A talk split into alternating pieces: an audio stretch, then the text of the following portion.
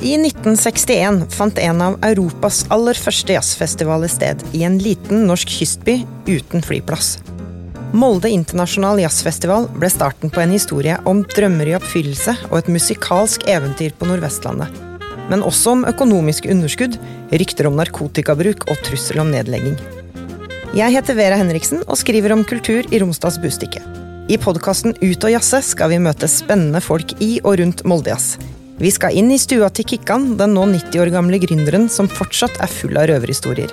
Vi skal på kafé med Ane Brun, som jobba frivillig på festivalen, og vi skal besøke Svein Åge Johansen, kjent som sjåføren til Miles Davis, og mange andre stjerner. For selv om de fleste festivaler har koronaavlyst, blir det et slags Moldejazz i år også. Bli med oss ut og jazze, fram til festivalen starter i uke 29.